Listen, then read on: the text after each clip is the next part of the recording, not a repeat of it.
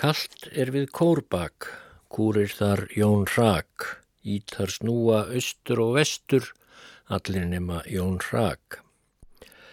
Svo segir í fornri vísu á getu hlustendur. En kallt er við kórbak er líka titill á sjálfsæfisögu Guðmundar Jóð Einarssonar frá Brjónslæk bonda sem fættist á Barðaströnd árið 1893 og um, gaf út þessa sjálfsæfisögu sína árið 1964. Hann lést svo þegar hann var komin á nýræðisaldur. Og í þessa bók ætla ég að glukka í þessum þætti og grýp þar niður þar sem Guðmundur er að verða hálf þrítugur. Hann er alþýðu strákur í húð og hár af bændaættum en stundan líka sjómennsku í breyðafyrðinum. En í kaplanum sem ég ætla að lesa í þættinum þá segir fyrst og fremst frá viðurregn hans við Berglana þann mikla vágjest á Íslandi í upphafi 20. aldar. Og eh, ég ætla að gripa sem sagt niður í kaplanum sem heitir Kalter við Korbak, rétt eins og bókin öll, en undir kaplinn heitir Sá kvíti segir til sín.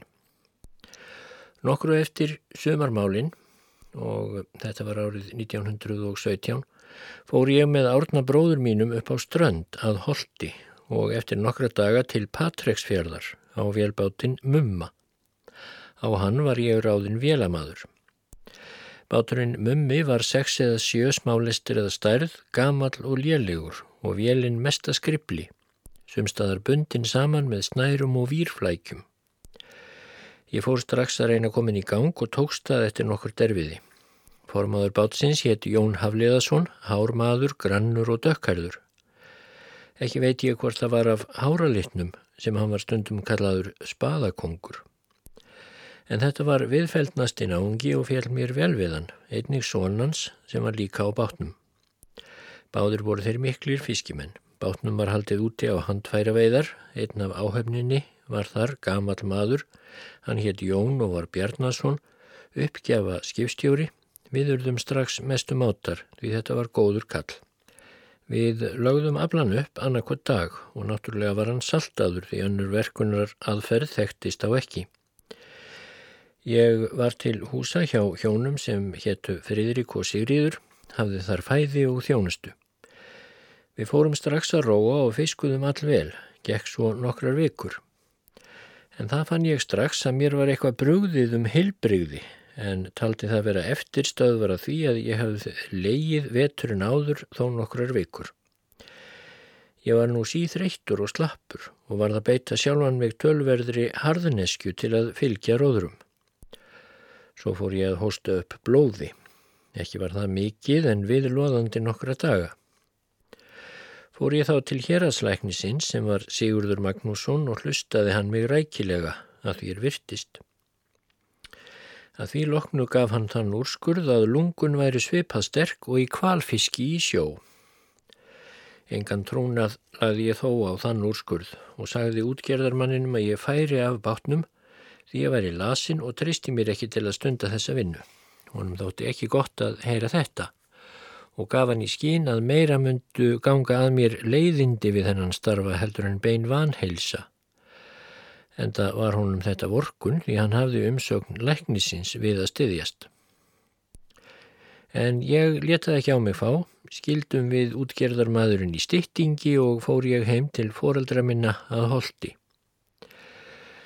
Þar var ég þó ekki nema að fá að daga en helt svo einn strönd og ætlaði út í eigjar. Ég kom við í Haga á leiðinni inn eftir. Húsfreyjan þar hétt Björg Einarstóttir og eindi mig eftir lasleika mínum og lísti ég honum fyrir henni.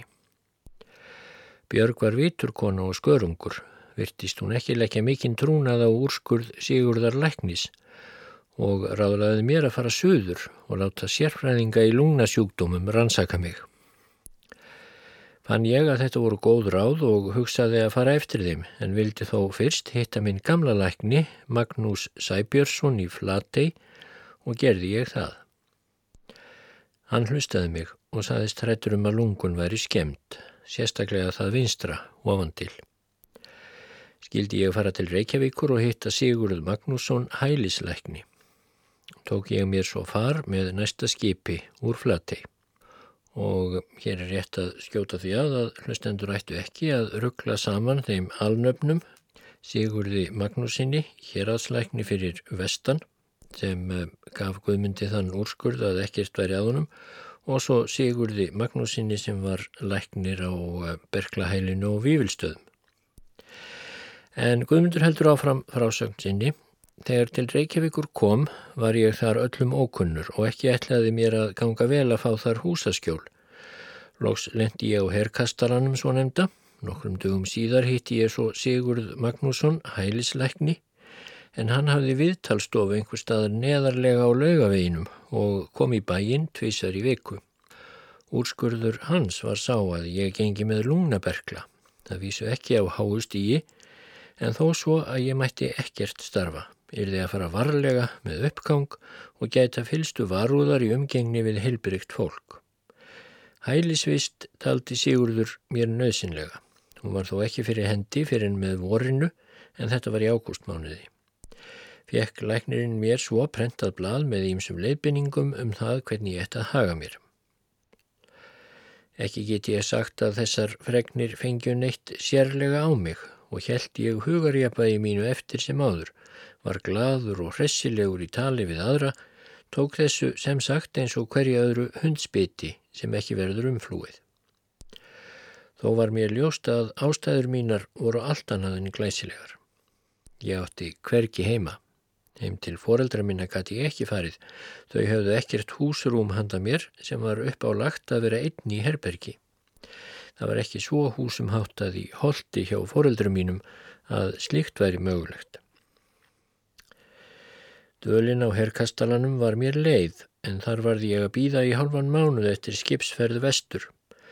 Fólkið þarna var frámunalega leiðinlegt og ónargætið, ekki vantaði þó bænasamkomurnar og sálmasöngin.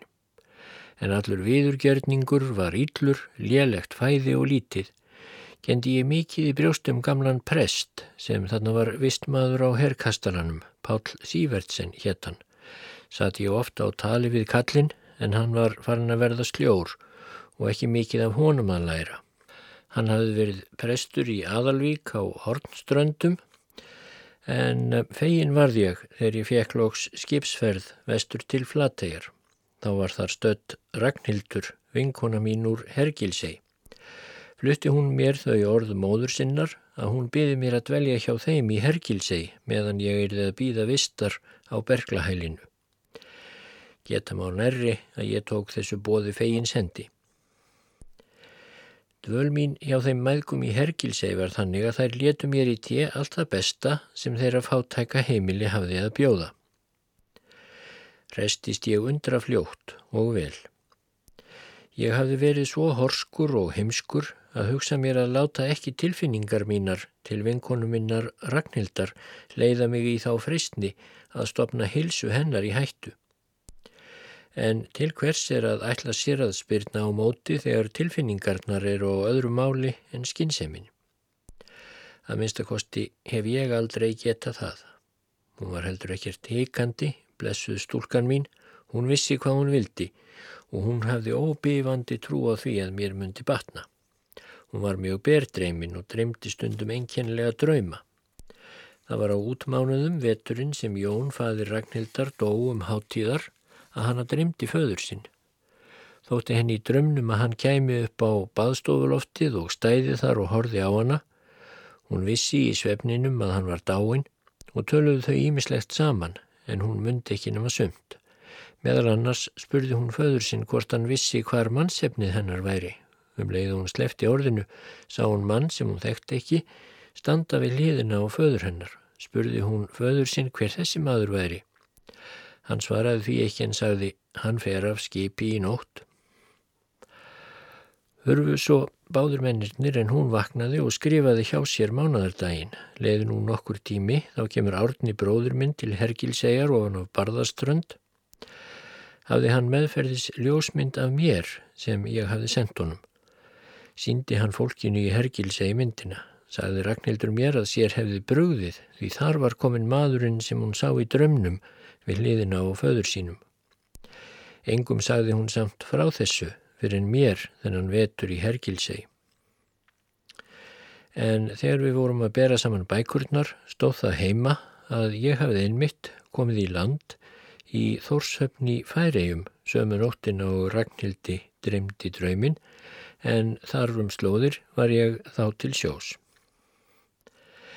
Það var frostaveturinn mikla 1917 til 18 sem ég dvaldi í Hergilsei í þetta skipti.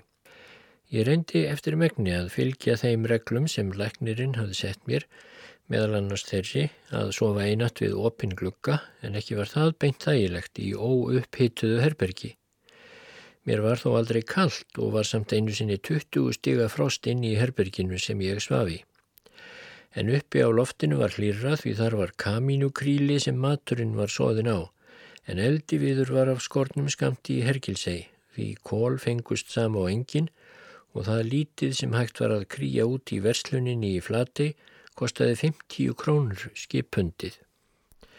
Sérstök upphittun í sveitabæjum þekktist á ekki, nema mest í einu herbergi á efnaðri heimilum.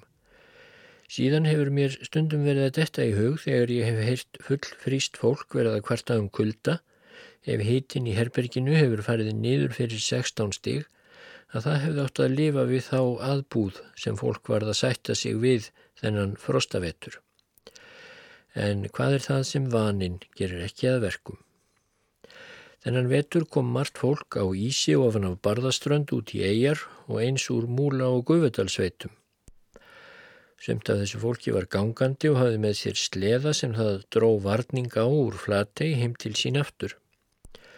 Sumir beittu hestum fyrir sleðan og einstaka maður kom ríðandi. Eitt dag sá ég stóran hóp manna koma ofan af strönd langt fyrir utan Hergilsei á leið til flategar. Það voru mikil hægviðri meðan frostin voru hörðust og þess vegna fannst mann ekki eins kallt. Oft var þá um 30 stiga frost út í eigum en víða á landi alltaf 36 stígum. Þá ráku Hergilsegar bændur fjesitt til beitar upp í svo nefnd þykkulönd. Æðarfugli fækkaði stórlega þennan vetur. Fuglin fröys fastan í vökum þegar þær var að leggja og týndist þar í tuga og hundruða tali. Vorkópaveiði í Hergilsei minkaði um alltaf þriðjung frá því sem áður var. Margir af þeim selum sem veittust fullortnir eða rakt auða á næsta sumri báru öllmerki lungnabólgu eða lungnadreps. Það var álit eldri manna að þeir hefði ekki þólað þennan heljar kulda. En engan dóm vil ég leggja á það hvort svo mun hefa verið eða einhverjar aðrar orsakir fyrir þessum seladauða. Sumarið eftir frostaveturinn var mikið grasleysi vegna kals í túnum og á engjum. Þá heiaði hafliði í Hergilsei svonum da mörg í vassfyrði og lómatjarnir allar. Þær hafa ekki verið slegnar síðan þennan frostavetur. Aldrei varði ég þess var að Kristín Húsfreyja amaðist við samdrætti okkar Ragnhildar dóttur hennar sem henni var samt fullkunnugt um hefði það þó ekki verið með ólíkindum þótt svo hefði verið því framtíðarhorfur mínar voru ekki sem glæsilegastar. En þegar það fór að kvísast út í frá að eitthvað væri í milli okkar, þá hvað nokkuð við annan tón, engum hjá sambílisfólkinu og var ekki löst við að ymsir álösuðu mér á bak fyrir það kæruleysi að binda mér heilbreyða og döglega stúlku jafn óviss og framtíð mín var. Mér sárnaði þetta engum af því að ég fann sjálfur að þetta var ekki ástæðu laust, en Ragnhildur let engan bilbú á sér finna og var aldrei vafa um hvað hún skildi gjöra í þessu efni. Ég vissi svo sem minnst af því hvað við hana var sagt af þessum vinum sem allt í einu fór að finna til undra ábyrðartilfinningar hennar vegna en ég ótaðist þó mjög að hún kynni að smittast af mér af berglum og ef hún fekk nokkurn vott af kvefi eða hosta var ég logandi hrættur. Því auðvitað vorum við saman allum stundum sem við gátum þó ekki værið á ofinberlega. En það hlust ekkert heilsutjón af veru minni og við Ragnhildur eignunumst mörg börn sem öll hafa verið heilbreyð. Vissulega er mikil Guðs miskun. Veturinn leiði nú fram að sumarmálum. Ég hafði frískast svo að ég fann stóran mun á mér frá því sem áður var. En eigað síður datt mér ekki annað í hug en fara suður á hæli þegar kostur yrði á. Kristín húsmóður mín var þessu mótfallin og Ragnhildi var þver nauðugt að ég færi. En héradslæknir vildi ekki heyra annað nefnt. Hann sagði mér fullum fettum að fólk myndi vera hrætt við að umgangast mig meðan ég hef ekki lært alla reglur á hælinu. Og í raun og veru var þetta raukrétt álíktun en hún var því miður alveg í andstöðu við reynsluna því það var fyrst eftir að sjúklingar voru búinir að vera á vývilstöðum sem fólk fór að verða hrætt við þá. Þetta var mín reynsla og ég býst við að margir sem verið hafa í mínum sporum sanni þetta með mér. Sárast af öllu þóttu mér að skilja við Ragnhildi sem ég vissi að bar nú barn mitt undir belti þótt ekki væri það og annara vittorði en okkar og móðurinnar. En svo rann burtvarar dagurinn upp, mér var erfitt um orð þegar ég kvætti þær meðgur en Ragnhildur mín var einat jafn vongóð, sagði hún að þetta væri aðeins jél sem myndi byrta upp um síður, þetta létti mér burtvaruna. Ég var fluttur til Flategjar og fekk skipsferð þaðan sama dag til Reykjavíkur. Þegar söður kom ætlaði ekki að ganga vel að fá húsaskjól og enþá varð ég að leita á náður hersins. Ég varð að býða í nokkra daga eftir ferðað vývilstöðum, svo var ég þó sóttur í opinni hestakerru. Það var næðingskallt og ég var ílla búinn, svo mér varð hrollkallt á leiðinu upp eftir, en þá tók ekki betra við. Því strax var ég settur í kérlaug með volgu vatni en glukkar stóðu galopnir svo vindstrók hann stóð inn á mig veran. Ég ofkjaldist af þessari meðferð og eftir tvekja daga dvöl á heilinu var ég komin með 40 stiga hitta og brjósthimnubolgu. Læknir skoðaði mig strax um kvöldið sem ég kom og sagði að mér hefði skánað mjög vel um veturinn og eiginlega hefði verið óþarfi fyrir mig að koma en fyrst ég væri nú komin á annað borð þá væri best ég eilið þar 2-3 mánuði. En þetta fór nú allt á annan veg. Ég var lengi veikur af brjósthimnubólgunni og skemdirinnar í lungunum hafðu hraðvaksið við þetta. Og loks þegar ég komst á fætur eftir sjö vikur var ég komin á annað stig veikinar, komin með skemdir í báðum lungum, sérstaklega því vinstra. Það var ekki leiðinlegt að vera á vývilstöðum fyrir þá sem eru vel rólfærir. Ég fann strax að ég átti erfitt með allar hreyfingar, var þrótti lítill og mættur ef ég gekk eitthvað og einat með verk undir vinstra síðubarði eftir brjóstimnubólkuna. Þetta smá lagaðist þó þegar stundir liðu, en svo um höstið vakna ég einu nótt við það að ég hósta blóði. Stöðvaðist það þó eftir stuttastund en þetta var nót til þess að ég varð að liggja en það fekk ég háan sóttýta eftir nokkur tíma. En eftir ég komst að lokum á fætur uppgötaði læknir að enn hafði mér versnaði í lungunum og var ég nú farin að nálgast þriðja stig veikinar að því er læknirinn saði mér síðar. En um veturinn restist ég þó mikið og um vorið saði læknirinn að nú væri besti ég tæki mér sömarfrí. Ég sagði hann að ég ætti ekki að neina að hverfa því eiginlega ætti ég hverki heima. Hann sagði að þeir heima myndu sjá um það og myndi vitanlega að hrepsnemdin fyrir vestan myndi útvega mér samastað. Ég hafði ekki frétt af Ragnhildi minni þá um lengri tíma. Við höfðum þó skrifast á en nú var langur tími frá því ég hafði fengið bref að vestan. Ég vissi að okkur hafði fæðist sonur um höstið. Honum hafði hún neðst til að koma í fóstur svo hún geti unnið fyrir sér og barninu. Ragnhildur hafði verið hjá fóreldurum mínum um sömarið en var farin þaðan. Hafði unnið á ymsum stöðum á ströndinni því hún var eftirsótt til vinnu vegna dugnaðar og verklagni.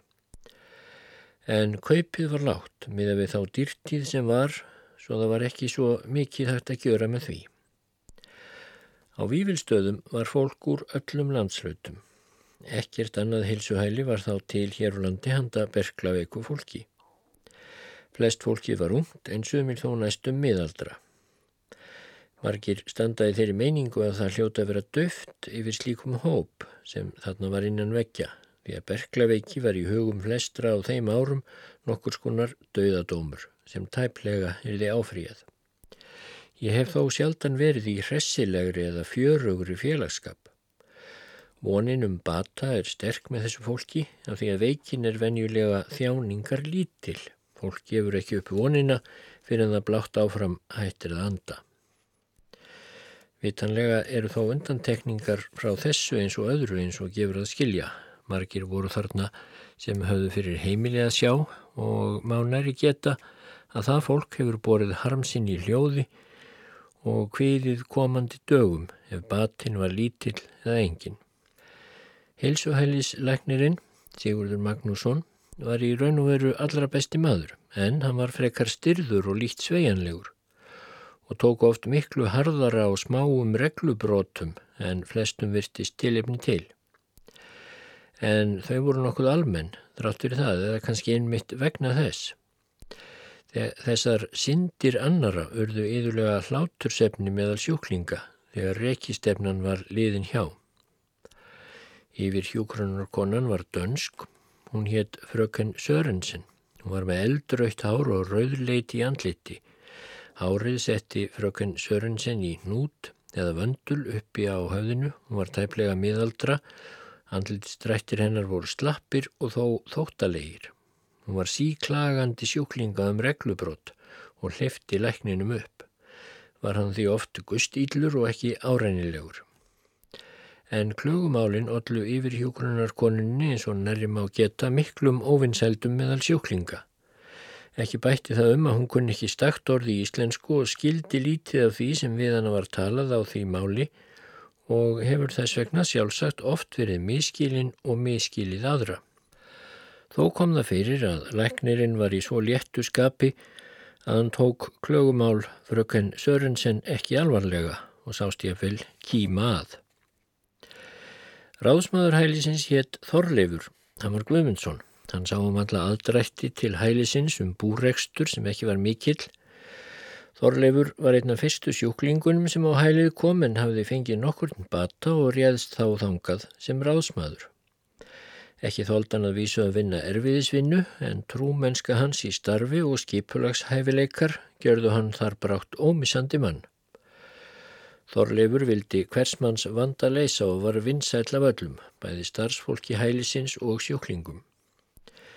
Þegar Vívilstaðahæli var byggt þá var þar örreitis kvot og gaf túnið af sér tvö kýrfóður sem kunnugtir tók hæli til starfa 1911 en þegar ég var þarna 1918 til 19 hafði Þorlefi tekist að stækka túnið svo að það fóðraði 16 kýr. Gæta verður þess að þá voru engin stórvirk jarðaræktar verkfæri til í landinu og umhverfi hælisins var ekki hendugt til jarðaræktar tómir upplásnir melar og fúamýrar og allt varð að vinna með handverkværum.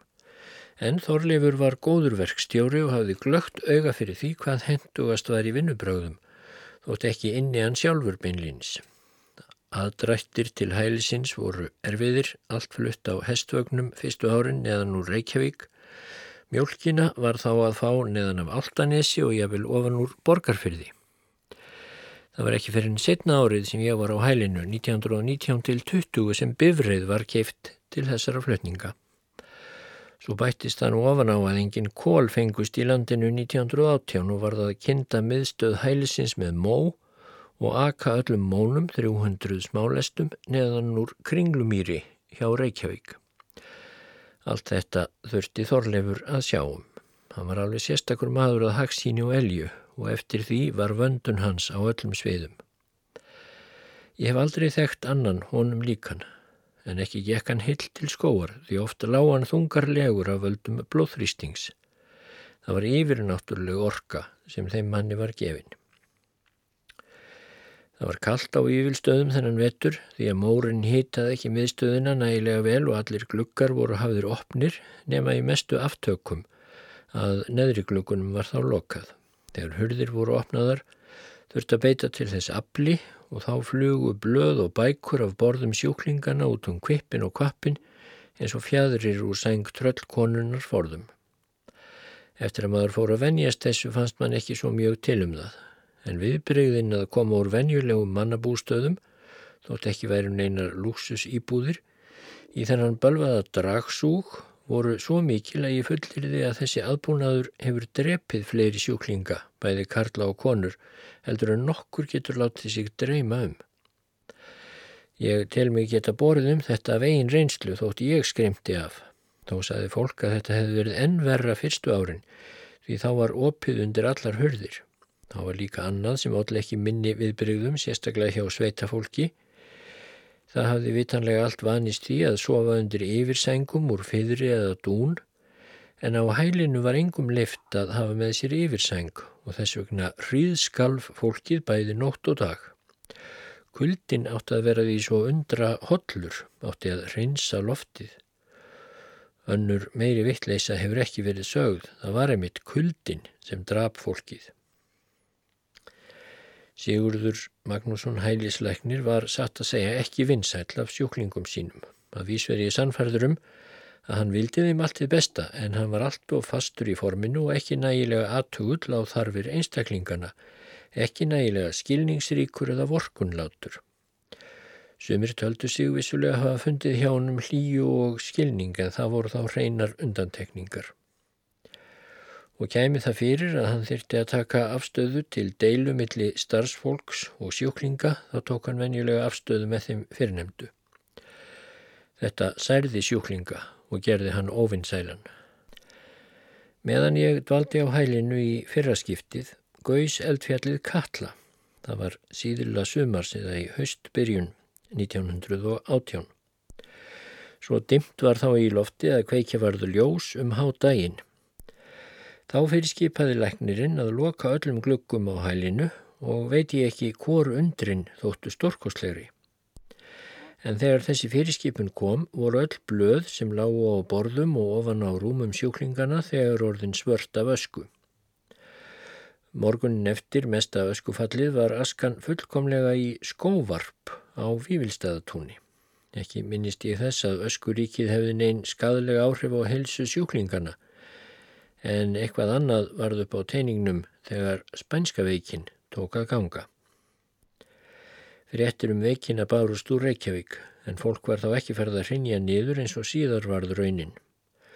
Svo fljótt greip veikin um sig á vývilstöðum að á einum sólaring mátti heita að allir karlsjúklingar legðust í einni kös og daginn eftir hvenn sjúklingar allir með tölu. Flestir háttuðu full frískir að kvöldi en voru alteknir af spænsku veikinni um morgunin. Yfir læknir og yfir hjúkrunarkona lögðust aldrei en sárafáir aðrir voru rólfærir. Um þrjáttíu karlar og konur dóu úr þessari drepsótt á hælinu eða af hennar völdum því sömur sem dóu voru mikið veikir fyrir. Ég lág rúmfastur um þetta leiti í fimm vikur.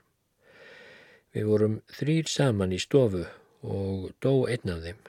Þessi sem dó var lang frískastur á okkur. Ég og félagi minn sem eftirlifðum höfðum það okkur til dagrastýttingar að yrkja gamankvæði og vísur um daginn og veginn.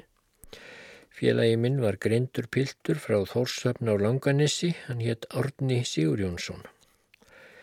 Líðan fólks fyrstu daga veikinnar var ákaflega bákborin en það var hjúkrun sama á engin meðan spænska veikin gekk yfir.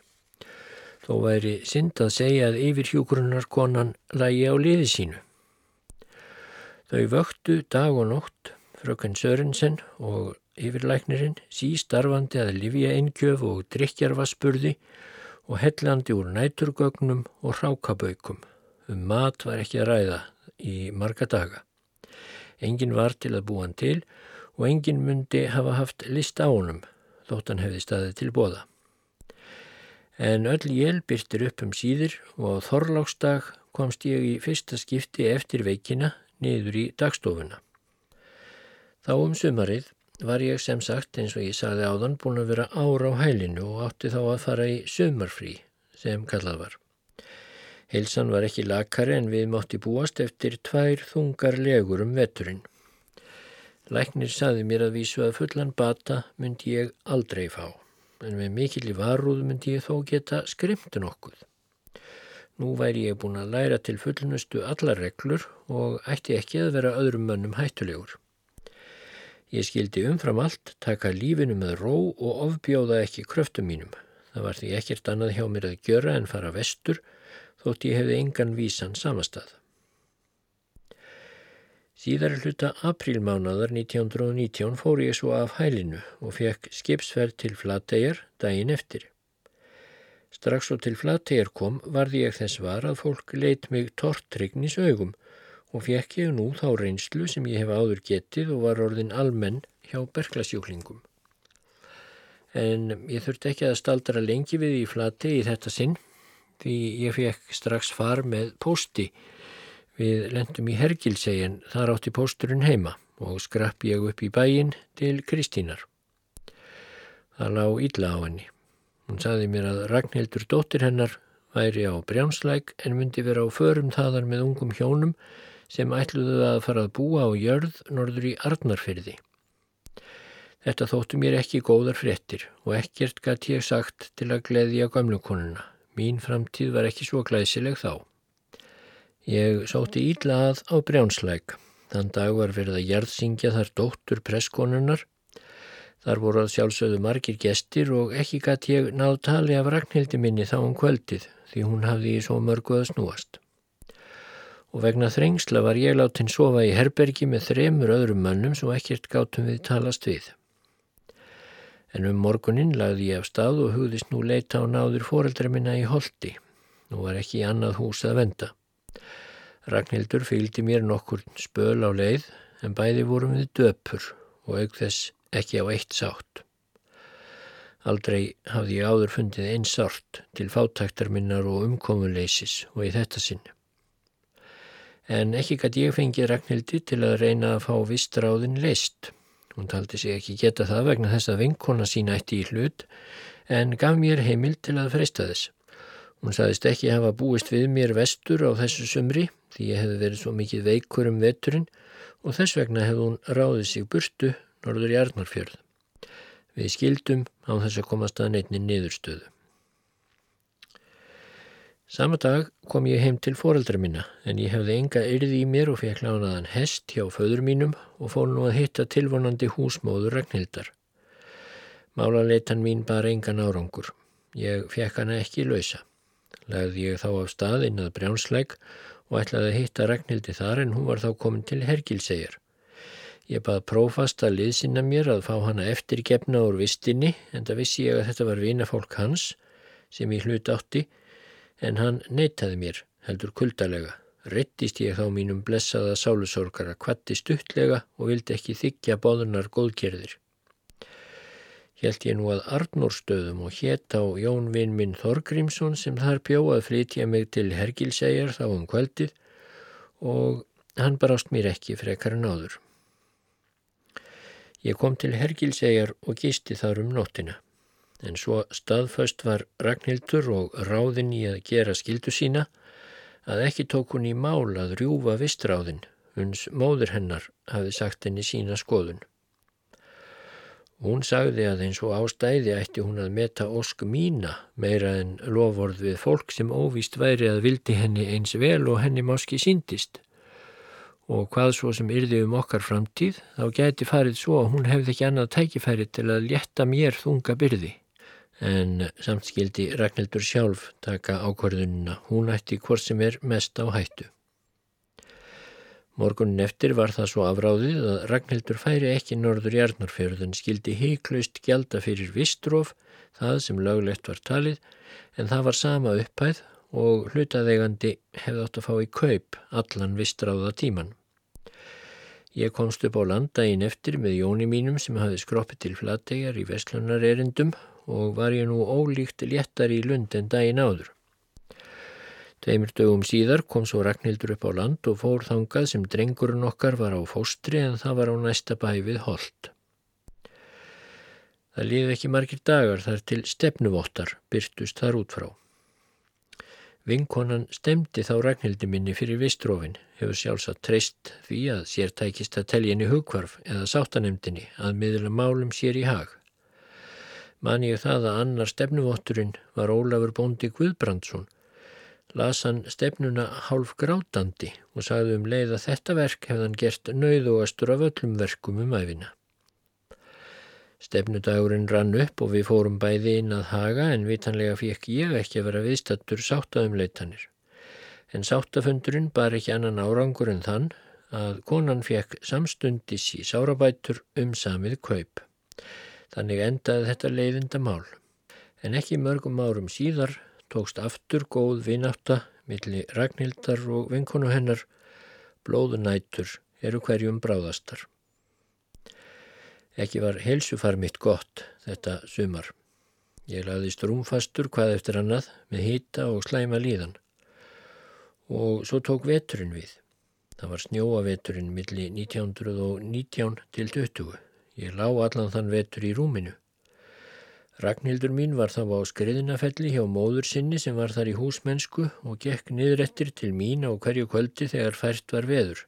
Henni átti ég það að þakka að ég held nokkurn veginn heilum sönsum þennan langa vetur en okkur var það báðum ljóst að við erum að skilja og ég fara á hælið strax og veður átt að batnaði svo að ég kemist suður. Við gerðum okkur ekki háar hugmyndur um framtíðina, að minnstakosti ekki ég. Mörg dapurleg hvæði vörðu til þennan vetur. Ég held þeim þó ekki til haga og flestir eru nú glemt. Og svo var það einn solskinsdags nefnaðan vorið að Ragnhildur reytti mig út að Siglunesi því bátsferð átti að verða þaðan þann dag til flattegjar.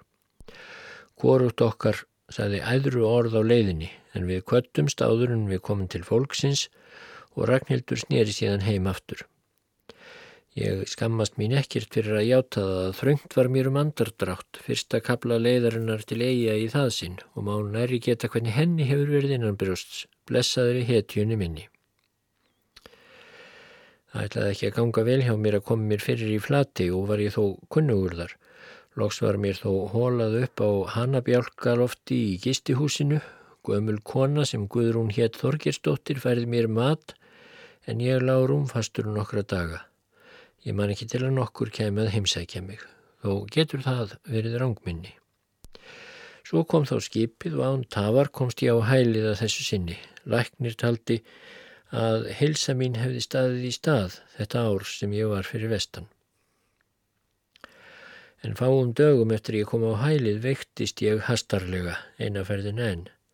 Aldrei fekk ég að vita hvað gekk að mér en ég hef vist verið tölvert langt leittur því ég hafði óráð marga sólarhinga og ég minnist þess að þegar ég vissi af mér stóður leknirinn oft við rúmið.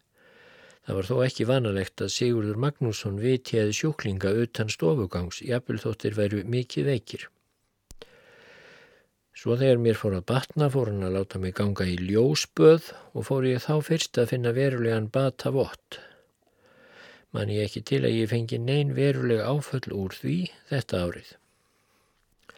Nú var komin önnur yfir hjúkunarkonna á hælið. Hún hétt fröken Vranke. Hún var mest í dugnaðarforkur og kom all góðu skipulagi á ímislegt á hælinu sem áður hafði verið í drastli og vanhyrðu. Það er vafa laust að þessi kona hefur kunnað sitt fag vel.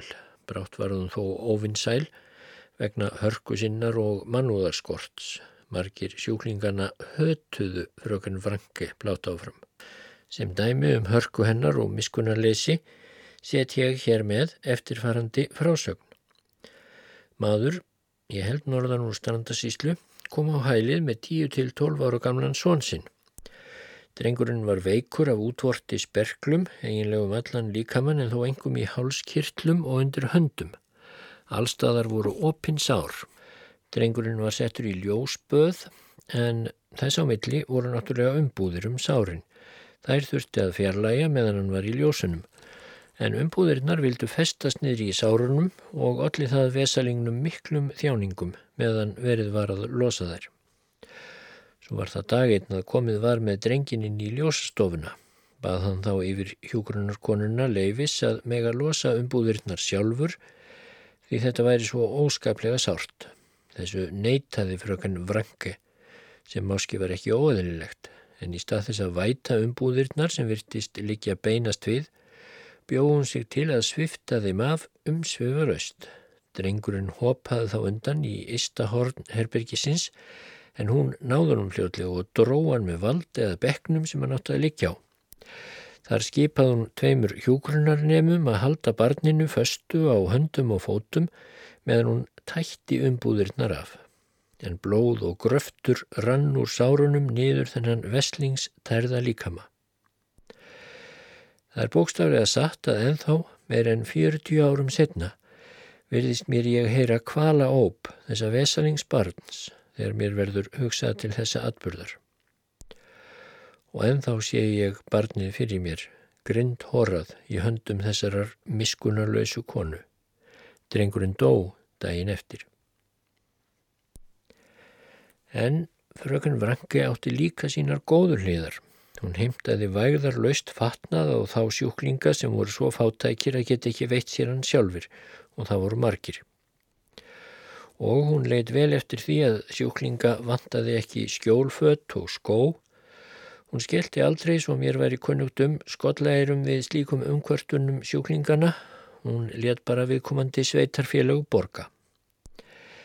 Eins var hún hugsunarsöm um að ekki vantaði teppi, en algild regla var að þrjú teppi væri á hverju rúmi. Fröken Franke fór ekkert eftir því heldur hvort hverjum sjúklingi væri það næginlegt. Og hátíðistögum vildi hún láta gera sjúklingum vel í mat og drikk. Sem sagt, mér virtist margt hafa tekið framförum til bóta frá því regeringstíð fröken Sörensen. Jólafagnaði sjúklinga tók hún sjálf þátt í og útvegaði geysistort jólatrið frá Danmörku sem hún let skreita ríkulega. Ég hef viljað láta þessa getið vegna þess að þeir sem minnst hafa á fröken Vranki hafa engum dreyið fram það lagkasta í fari hennar. Hún var rýfandi dugleg, starfhæf og stjórnsöm kona en skapstór og jafnvel miskunarlaus ef hún rettist.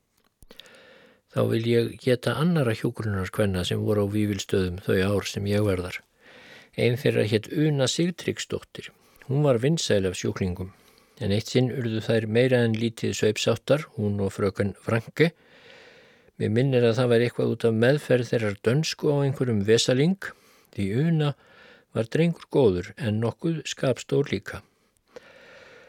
Fröken Franke kerði til yfirlæknis ókurteislega framkomu hjúgrunarkonunar unu við sig sem yfirbóðara og læknirinn tók afstöðu með yfir hjúgrunarkonunni og krafðist þess að una bæði frökun Vranke fyrirkefningar. En það hefði nú verið ólíkt þegar í skaprænu og góðu konu hefði hún tekið slíkt í mál svo sem á stóð. En nú var mælirinn fullur og sjáanlegt að þær geti ekki verið báðar undir sama þakki, svo að Una sagði upp stöðu sinni við svo búið. Þegar sjúklingar urðu þess varir að Una ætti að fara vegna missættis við fröken Vranke, þá sömdu sjúklingarnir bænaskrá til læknisins. Undir hana skrifuðu flestir eða allir sjúklingar. Báðu þeir yfirlæknin að láta frökan Vranke fara en taka unu fyrir yfirhjúgrunarkonu. Þessu svaraði læknir neytandi og bar því við sem rétt var að una væri alls ekki rekin burtu heldur hefði hún sjálf sagt upp. Hún hefði neytað að hlýða sínum yfirbóðara og hefði kosið að víkja fremur en beigja sig og eins og gefið að skilja ditti sér ekki í hug að reka fröken Vranke af þessum sökum. En fremur sagðan að ekki veri und að gera unu að yfirhjókrunarkonu því hún hefði ekki fullnægjandi mentun til þess starfa. Sjúklingarnir urðu æfir við þessi málalokk og sjálfsagt hef ég orðið það eins og hinnir. En ef lítið er á málið æsinga laustfægin og ekki séð að læknirinn hafi geta svarað öðruvísi en hann gerði. Svo fór okkar góða una með gullúr hangandi á barminum. Það var gjöf sem sjúklingarnir hafðu auðrað saman í til að vottinni þakkir sínar og samúð. Hjógrunarkonan á efriheðinni hitt Sigriður. Hún var allsistir læknisins. Hún var tekin að eldast, var góðsemin sjálf en fákunnandi í starfi sínu og logandi hrætt við sinn elskulega bróður yfirlæknin. Sögðu strákarnir að hún heldi tæplega vatni í nálæð hans ef hann byrsti sig eitthvað sem oft kom fyrir því hún var eins konar öldubrjótur þeim bárur ergi hans og gremju brotnuðu tíðum á. En hún tilbað þennan bróður sinn. Sjúklingarnir fóru öllu sínu fram hvað sem hún sagði og margir þeirra lefðu sér alls konar reglubrót af því þeir vissu að hún myndi ekki kæra þá. Dæmi vissi ég til þess að eitt er að hótaði að kæra hana sjálfa ef hún þegði ekki eins og stein yfir einhverju. En svo var brátt komið að aftur var liðið ár frá komuminni að viðvilstöðum. Læknir fór nú að minnast á burtför og ég skrifaði Ragnhildi minni sem þá var kaupakona á Brjánslæk og bað hann að reyna að útvega mér dvalarstað. Fóreldrar mínir voru þá flutt í Suðraujar. Nokkur síðar fekk ég svo bref frá Ragnhildi. Hún saði mér það er gleði fréttir að ég mætti komað að brjánsleik en þó því aðeins að ég hefði læknisvottorð fyrir því að ég væri ekki öðrum hættulegur. Þetta sagði ég svo Sigurður lækni, vottorðið letan mér í tíu undir eins og gaf mér ymsar góðar leðbenningar. Kvatti ég svo alla vini mína á hælinu og hjælt af stað vestur með vottorðið upp á vasan og meiri bjart sín í huga heldur en ég hafði áður haft. Það var eins og vorilmur leki um sál mína.